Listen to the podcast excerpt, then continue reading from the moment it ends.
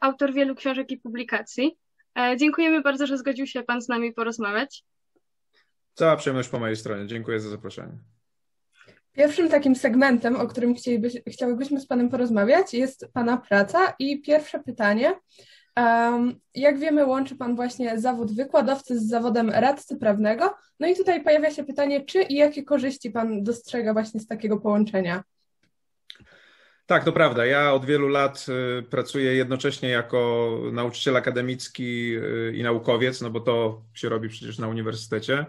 I jako praktyk, y, rzeczywiście jestem radcą prawnym, jestem partnerem w dużej kancelarii i pracuję w niej już, jak policzyłem ostatnio, no, mm, dobre 20 lat, więc jest to rzeczywiście kawał czasu.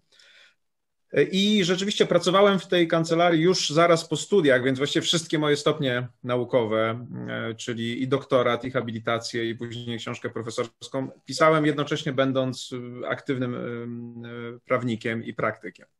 I wydaje mi się, że są zarówno plusy, jak i minusy takiego łączenia. Jakie są plusy? Mianowicie, tak jak dobry lekarz yy, musi mieć praktykę i, profesor medycyny, który na przykład chce uczyć czegoś studentów, no dobrze by było, żeby chociaż raz w życiu tego pacjenta zobaczył albo operację przeprowadził.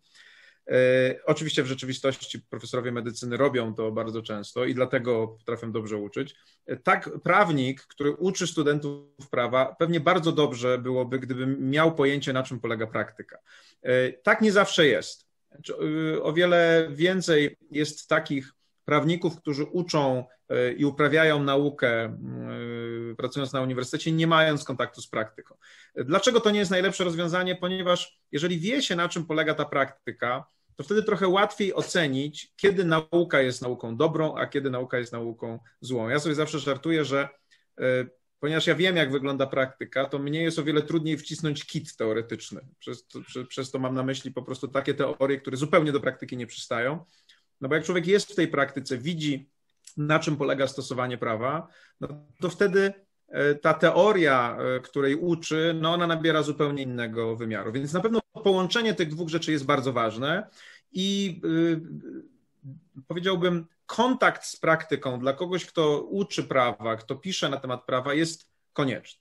Natomiast no, w moim przypadku, jak powiedziałem, to był bardzo duży kontakt. Znaczy, ja po prostu byłem bardzo mocno zaangażowany przez długi czas i myślę, że w pewnym momencie, y, mm, zwłaszcza, że człowiek robi się coraz starszy, a czas y, i doba nie robi się dłuższa, trzeba też rozumieć, że praca praktyczna bardzo mocno obciąża i nie da się wszystkiego zrobić dobrze i w praktyce, i, i, i w nauce.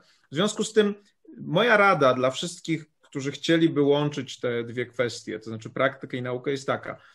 Warto rozpocząć im szybciej, tym lepiej pewną praktykę po studiach, ażeby zobaczyć, na czym ona polega. Na przykład wiemy o tym, że wielu wybitnych naukowców, prawników w historii to byli właśnie tacy, którzy po studiach dotknęli tej praktyki. Pracowali jako asystenci sędziów albo w sądach, albo właśnie w kancelariach. Natomiast trzeba też dobrze mm, znaleźć ten moment, w którym z tej praktyki już trzeba wyjść po to, żeby zająć się w pełni nauką, bo nauka jest też bardzo ważna.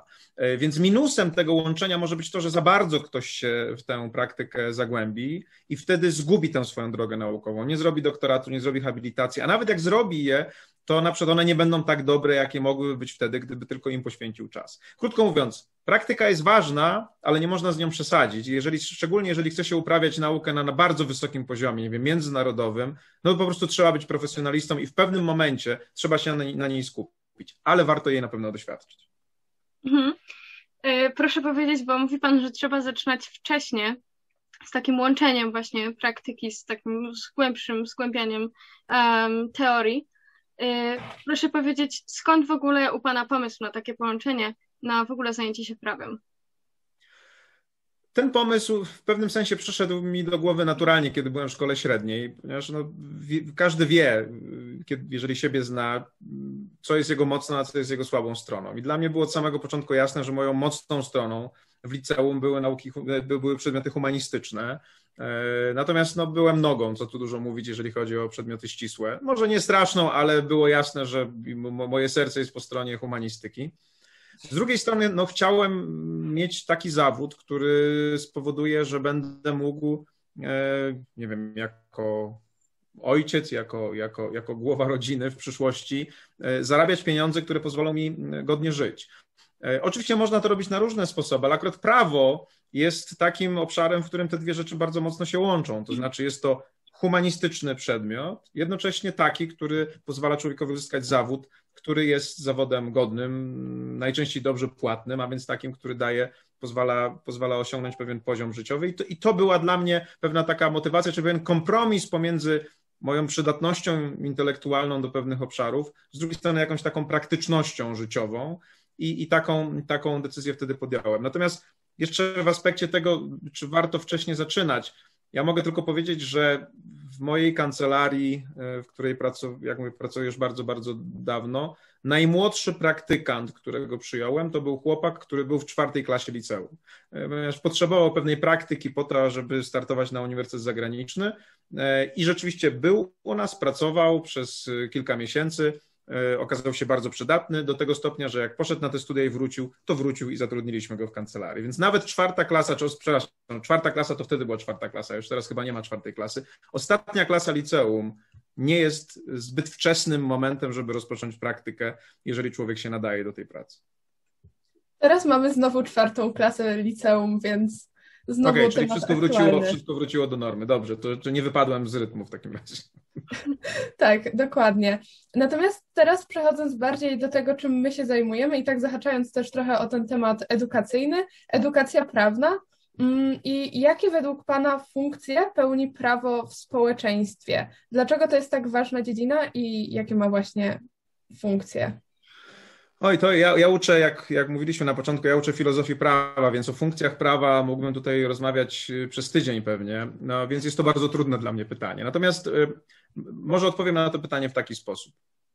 E, kiedy my jako ludzie opuściliśmy takie bardzo małe wspólnoty, mm, bardzo, bardzo stare wspólnoty, które pewnie liczyły gdzieś tam do, do, do 100-150 osób, później na przykład małe wiejskie wspólnoty, które były trochę, trochę większe. I przeszliśmy w duże społeczeństwa, na przykład takie jak polskie, czyli 40-milionowe społeczeństwo, potrzebujemy jakiegoś narzędzia, które będzie koordynowało nasze zachowanie. Jest bardzo trudno koordynować takie, tak, takie wielkie społeczeństwo. Można przy pomocy zasad moralnych, przy pomocy pewnej religii nawet, koordynować działania małych e, społeczności. Natomiast tak wielkie społeczeństwo potrzebuje jakiegoś znaku, jakiegoś, jakiegoś przewodnika, który pozwoli mu żyć e, wspólnie w jednym miejscu i, i koordynować swoje działania tak, jak żebyśmy żebyśmy mogli żyć w pokoju, żebyśmy sobie krzywdy nie robili i żeby państwo mogło kwitnąć. I podstawową funkcją prawa jest to, że ono daje tę koordynację. Ja w swojej ostatniej książce napisałem, że prawo jest takim jakby wielkim projektem, trochę tak jak mamy projekt domu, na podstawie którego mamy zbudować jakąś rzeczywistość. Tak samo prawo jest takim wielkim projektem rzeczywistości, w której nikt nikogo nie okrada, nikt nikogo nie zabija, wszyscy jeżdżą 50 km na godzinę w obszarze zabudowanym. Rzeczpospolita Polska jest demokratycznym państwem prawnym, czyli wszystkie przepisy prawa są spełnione w rzeczywistości i tworzą pewnego rodzaju taką idealną rzeczywistość. Oczywiście naprawdę ona nigdy nie jest idealna, ale dążymy do tego. Więc podstawową funkcją prawa jest funkcja koordynacyjna, która ma pozwolić dużym społeczeństwom, na przykład takim jak polskie, żyć w, miarę w pokoju i w zgodzie i budować pewną rzeczywistość. I prawo y, tę funkcję wykonuje przez to, że jest takim wielkim tekstem. Wszystkie ustawy, gdybyśmy zamknęli w jedną księgę, to byłaby najgrubsza księga na świecie, które po prostu mówią, jak ten świat ma wyglądać. E, I, I funkcją prawa i prawników jest przeniesienie tej wizji z tego projektu do rzeczywistości, tak jak, jak funkcją i zadaniem budowniczych jest z czegoś, co najpierw jest na papierze, jakiejś wizji domu, stworzyć dom e, prawdziwy. To wydaje mi się jest takie na, naprawdę w największej ogólności, w największej ogólności odpowiedź na pytanie, jaka jest funkcja prawa e, I, i to wyjaśnia też na przykład, jaka jest rola prawników, jako tych, którzy muszą zrozumieć ten projekt i później wprowadzić go w życie. Mhm. Mówił Pan y, o, o tym, że, że prawo to jest w pewnym sensie taka idealna, idealna rzeczywistość, do której można by dążyć. I mówił też Pan, że to jest w pewnym sensie trochę przewodnik taki po, po państwie, powiedzmy. No i obecnie mamy bardzo niską świadomość prawną y, wśród Polaków i, i tak naprawdę no, no są, te statystyki są trochę zatrważające, szczerze mówiąc, jak się tak na nie patrzy.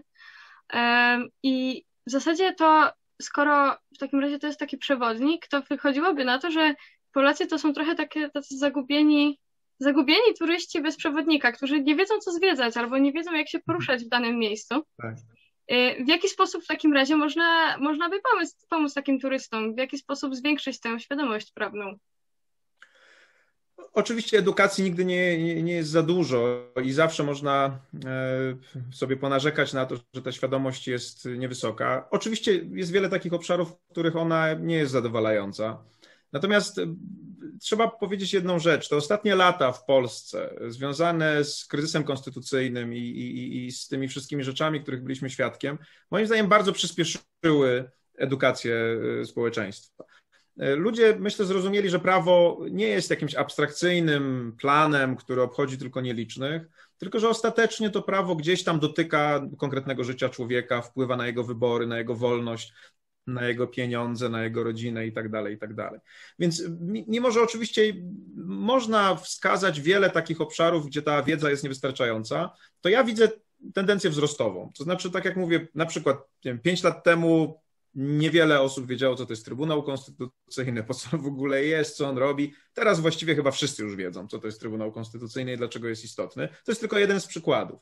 I wydaje mi się, że wysiłku sporo jest wkładanego w to, ażeby jednak y, to prawo było lepiej rozumiane. Rozwój mediów społecznościowych też tutaj jest bardzo istotnym czynnikiem, prawda? W tym znaczeniu, że to jest bardzo łatwy dostęp internetowy, darmowy do różnego rodzaju stron, do różnego rodzaju obszarów, które tłumaczą nam, czym jest prawo. Moim problemem dotyczącym edukacji prawniczej jest coś innego, mianowicie, że często edukacja prawnicza, jak każda edukacja, jest prowadzona nieżyciowo, to znaczy jest ona podaniem do wierzenia pewnych zasad, y, takich, takich usztywnionych twierdzeń, natomiast niewiele jest osób, które potrafią pokazać, jak one się przykładają na życie.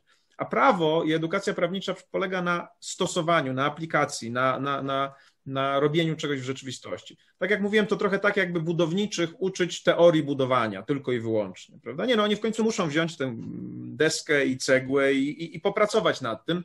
Tak samo ludzie, którzy zajmują się edukacją prawniczą, powinni bardziej zwracać uwagę na praktykę. No nie można na przykład teoretycznie nauczyć kogoś tego, jak załatwiać sprawy w urzędzie. Po prostu trzeba, z, nie wiem, z klasą, czy, czy z ludźmi, których chce się tego nauczyć, pójść do tego urzędu, yy, przejść przez wszystkie etapy załatwiania sprawy, wrzucić ich w praktykę. Myślę, że to jest większy problem, yy, czy to jest duży problem i, i za mało mamy praktycznego nauczania takich obszarów prawnych. Myślę, że na przykład wiedza o społeczeństwie, mam nadzieję, że ten przedmiot jeszcze jest, że nie wychodzę tutaj już na kompletnego staruszka, yy, moim zdaniem jest zbyt teoretycznym przedmiotem. Znaczy, jak my przy, przyjmujemy na studia uczniów szkół średnich, to nieraz lepiej od nas wiedzą, jakie tam są dokładne liczby głosów, które są potrzebne do poszczególnych y, działań w parlamencie, jakie są większości, jak się buduje konstruktywne wotum zaufania. Natomiast to jest wiedza absolutnie teoretyczna. Tak? Jeżeli potem się ich zapyta, ale po co to wszystko jest, po co jest podział władzy, to oni nie wiedzą, dlatego że nie myślą o tym praktycznie, tylko uczą się tego na pamięć. Więc to jest, myślę, też duży problem, brak praktycznej nauki prawa i takiego, takiego wrzucania w praktykę tych, którzy, którzy to prawo chcą zrozumieć. Wydaje mi się, że brak takiej praktycznej nauki to jest w ogóle bolączka polskiej edukacji w różnych dziedzinach. Pewnie tak. Natomiast tak. no, mamy nadzieję, że będzie się to jakoś zmieniać. Ale inna kwestia, o której Pan wspomniał, e, to że prawo jest właśnie takim planem, E, który może nam zbudować pewną idealną rzeczywistość, jednak ta rzeczywistość nigdy nie będzie idealna, i też o tym, że obecnie ta świadomość prawna, chociaż wzrasta, to wzrasta przez różne zagrożenia. I tutaj pojawia się takie pytanie, jakie Pan dostrzega obecnie zagrożenia dla polskiej praworządności i jakie one występują obecnie? Ja lubię analizować kwestie praworządności i kwestie prawa z perspektywy, która może być trochę zaskakująca, mianowicie nie z poziomu społecznego, poziomu instytucji, właśnie tylko sądów, tylko trybunałów, czy właśnie tylko konstytucji, ale raczej z perspektywy konkretnego człowieka i tego, co on czuje. Mianowicie jest taka tendencja w badaniu zagadnień związanych z praworządnością, która w pewnym sensie mówi, że psychologia człowieka decyduje o tym, czy na przykład on jest bardziej Y, przeznaczony do życia w demokracji, czy bardziej przeznaczony do życia w systemie, który jest autorytarny.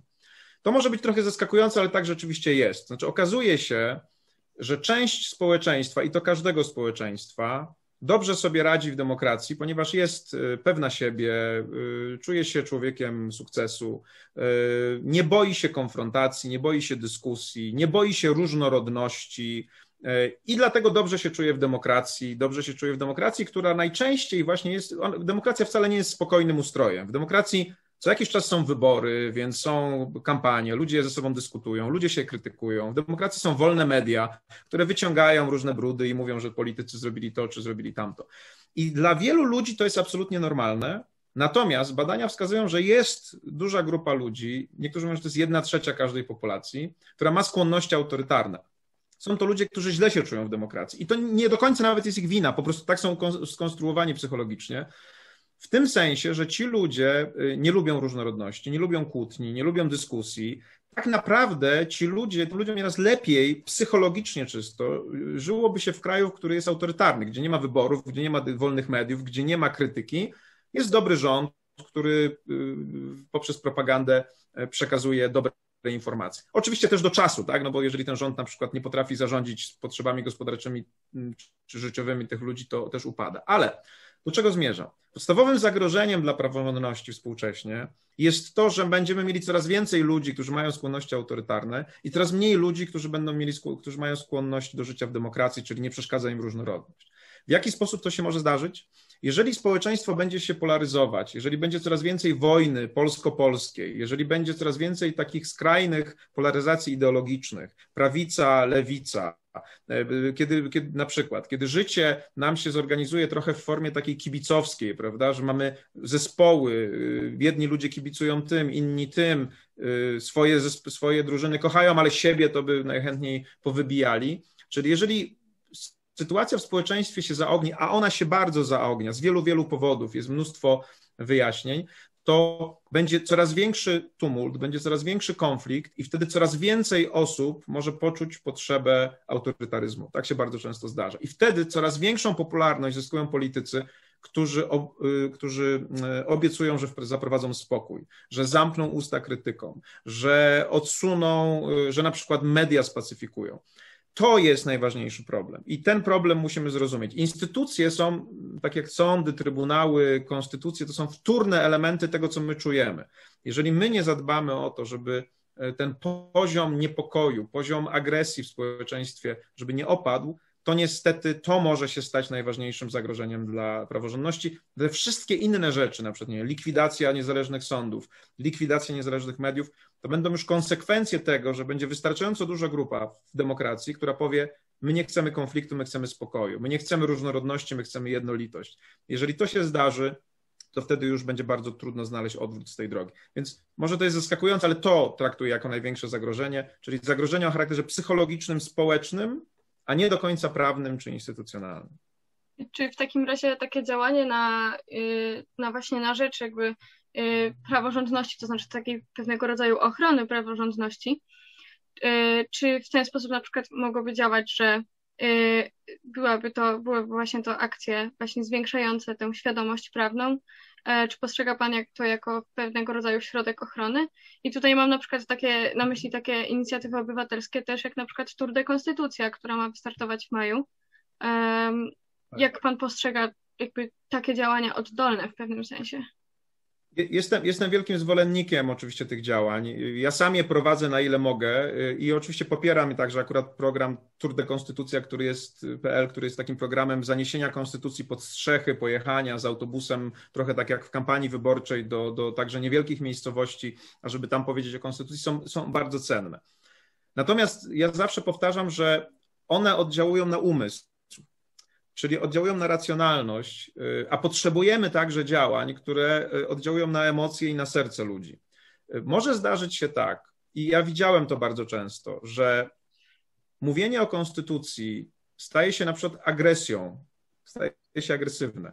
Widziałem takie sytuacje, kiedy ludzie, którzy rozmawiali ze swoimi przeciwnikami ideologicznymi, trzymali w ręku konstytucję dosyć agresywnie, krzycząc konstytucja, konstytucja, tym jednym słowem skandując trochę tak, jakby byli na meczu. Widziałem także ludzi, którzy e, broniąc wartości konstytucyjnych, wśród których jest na przykład godność ludzka, naruszali godność innego człowieka dosyć, dosyć mocno.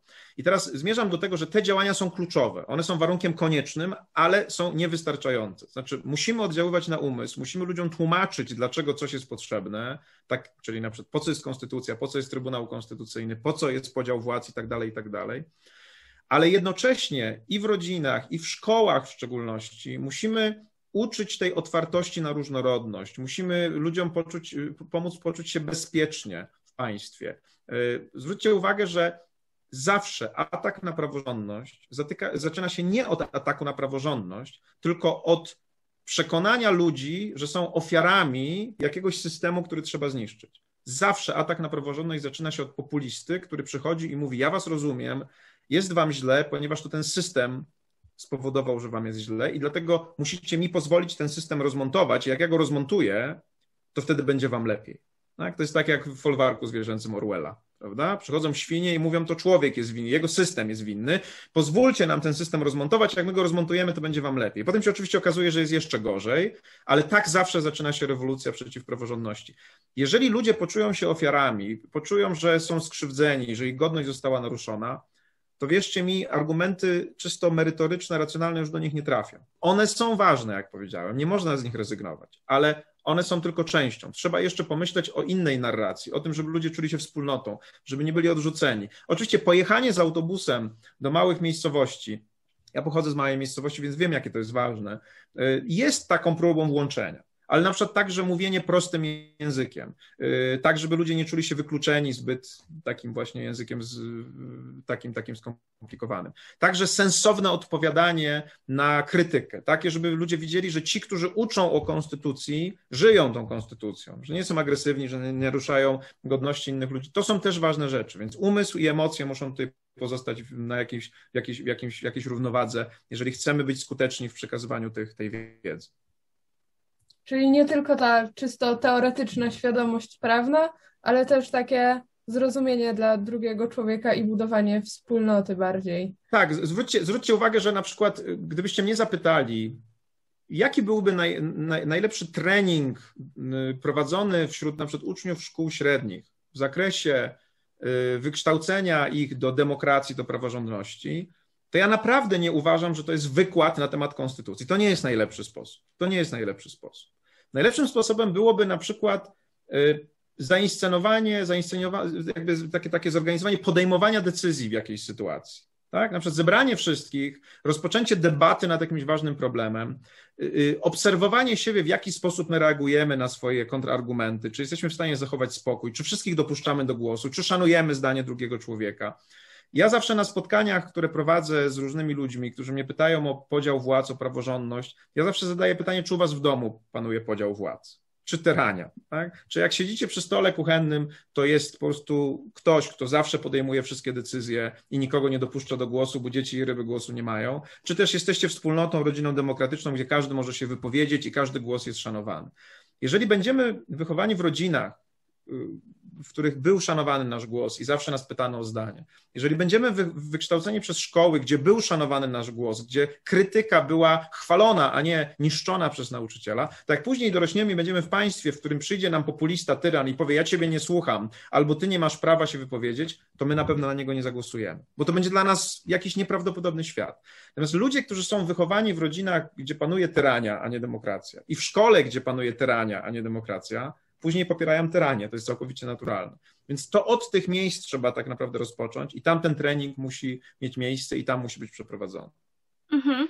Doszła mnie taka refleksja, że w takim razie może w szkołach powinny się po prostu e, odbywać e, takie zajęcia na przykład właśnie uczące dyskusji, kulturalnej dyskusji, uczące pewne, pewnego rodzaju, może no niekoniecznie debatowania, ale, ale nawet, nawet no takiej właśnie kulturalnej dyskusji, takiego, takich umiejętności miękkich, bo wydaje mi się, że właśnie to jest też często podnoszony temat, że właśnie tego brakuje w polskiej edukacji. Absolutnie.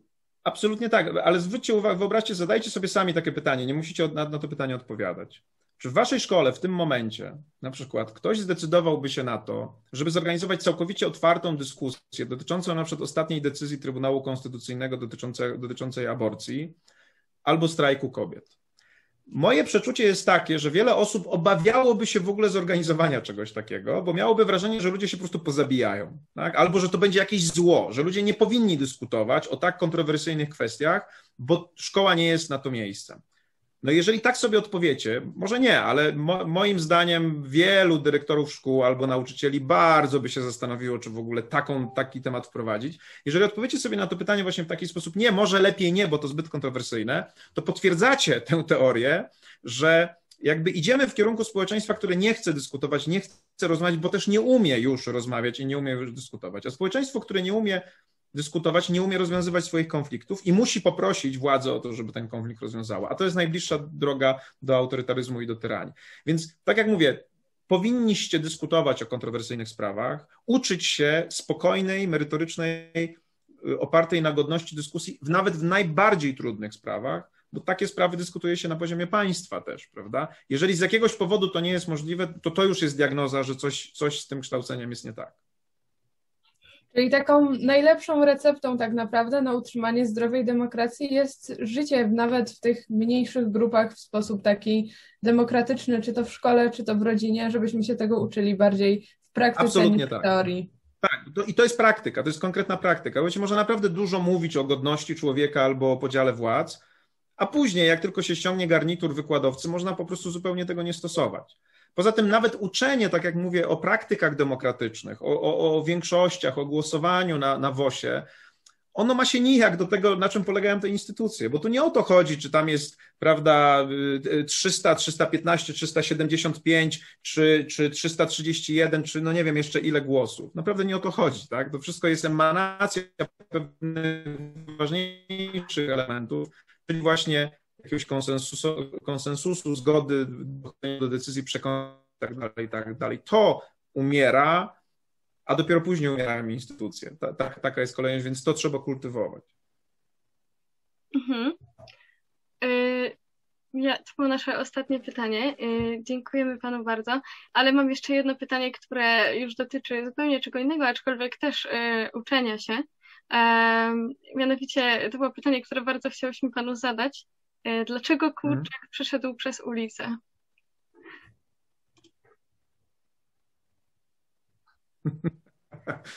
Rozumiem, że to jest odniesienie do e, mojego wykładu z teorii filozofii prawa. Jak najbardziej. E, w którym ja bawię się w taką grę filozoficzną, która właśnie jest testowaniem prawda, umiejętności i proszę studentów, żeby odpowiedzieli na to pytanie w stylu filozofa, e, którego, które, którego ich uczę. Jest to jest odpowiedź w stylu Ernesta Hemingwaya, już o tym mówiłem. Dlaczego kurczak przez ulicę, aby umrzeć w deszczu po drugiej stronie, prawda? Natomiast to jest rzeczywiście świetna zabawa i jeżeli chcecie, to bardzo zachęcam do tego, żeby się w nią bawić, w szczególności, żeby na przykład zadać sobie pytanie, jak właśnie na przykład nasi politycy odpowiedzieliby na to pytanie, czy znani, czy celebryci, czy znani filozofowie to są, to są, to jest dobre ćwiczenie intelektualne. Rzeczywiście stosuję je nieraz na, na wykładzie z teorii filozofii prawa. I jakby pan odpowiedział? Pan jako. Aha, jak ja bym odpowiedział na to pytanie. Marcin Matczak. E, no, to jest dobre rzeczywiście pytanie, bo ja się nad tym nigdy nie zastanawiałem. Dlaczego kurczak przyszedł przez ulicę? E, wydaje mi się, że ja bym odpowiedział na to pytanie w taki sposób. Dlatego, że mógł i dokonał świadomego wyboru, że chce przejść. To wynika po prostu z tego, że jakby z, mojego, z mojego punktu widzenia znajomość opcji, i umiejętność korzystania z nich na zasadzie wolności wyboru, a nie w taki sposób, jak ktoś nam mówi albo narzuca, jest absolutnie e, kluczowa. Więc ja bym chciał, żeby ten kurczak był e, emanacją wolności i umiejętności dokonywania wyborów w ramach tej wolności, bo to nie są dwie te same rzeczy. Nieraz jest tak dużo opcji wolnościowych, że nieraz nie wiadomo, jakiego wyboru e, dokonać. Więc może to nie jest jakby bardzo śmieszne, ale trochę mnie zaskoczyliście tutaj tym pytaniem, ale tak uważam, że kurczak powinien przychodzić przez ulicę dlatego, że chce, że może chce przejść i wie, po co idzie na drugą stronę. Nie robi tego bezmyślnie. To jest jakby ideał wolności, zarówno w której nie ma przymusu, jak i wolności, w której mogę świadomie wybrać cel, który dla mnie, dla mnie jest dobry. Więc tak bym odpowiedział na to pytanie. Bardzo świadomy i demokratyczny kurczak, więc życzymy, żebyśmy wszyscy w naszym polskim społeczeństwie mogli być takimi kurczakami właśnie. Tak, tak właśnie tak, myślę, tak, że są... myślę, że Pana odpowiedź jest bardzo dobrym w ogóle podsumowaniem naszym, naszej rozmowy, akurat tak się złożyło. E, i, I właśnie aby tak było rzeczywiście. Myślę, że możemy to potraktować jako takie życzenie na przyszłość. E, dziękujemy bardzo jeszcze raz. E... Dziękuję, cała przyjemność po mojej stronie i, i, i mam nadzieję, że to, o czym rozmawialiśmy, będzie w jakimś sensie przydatne.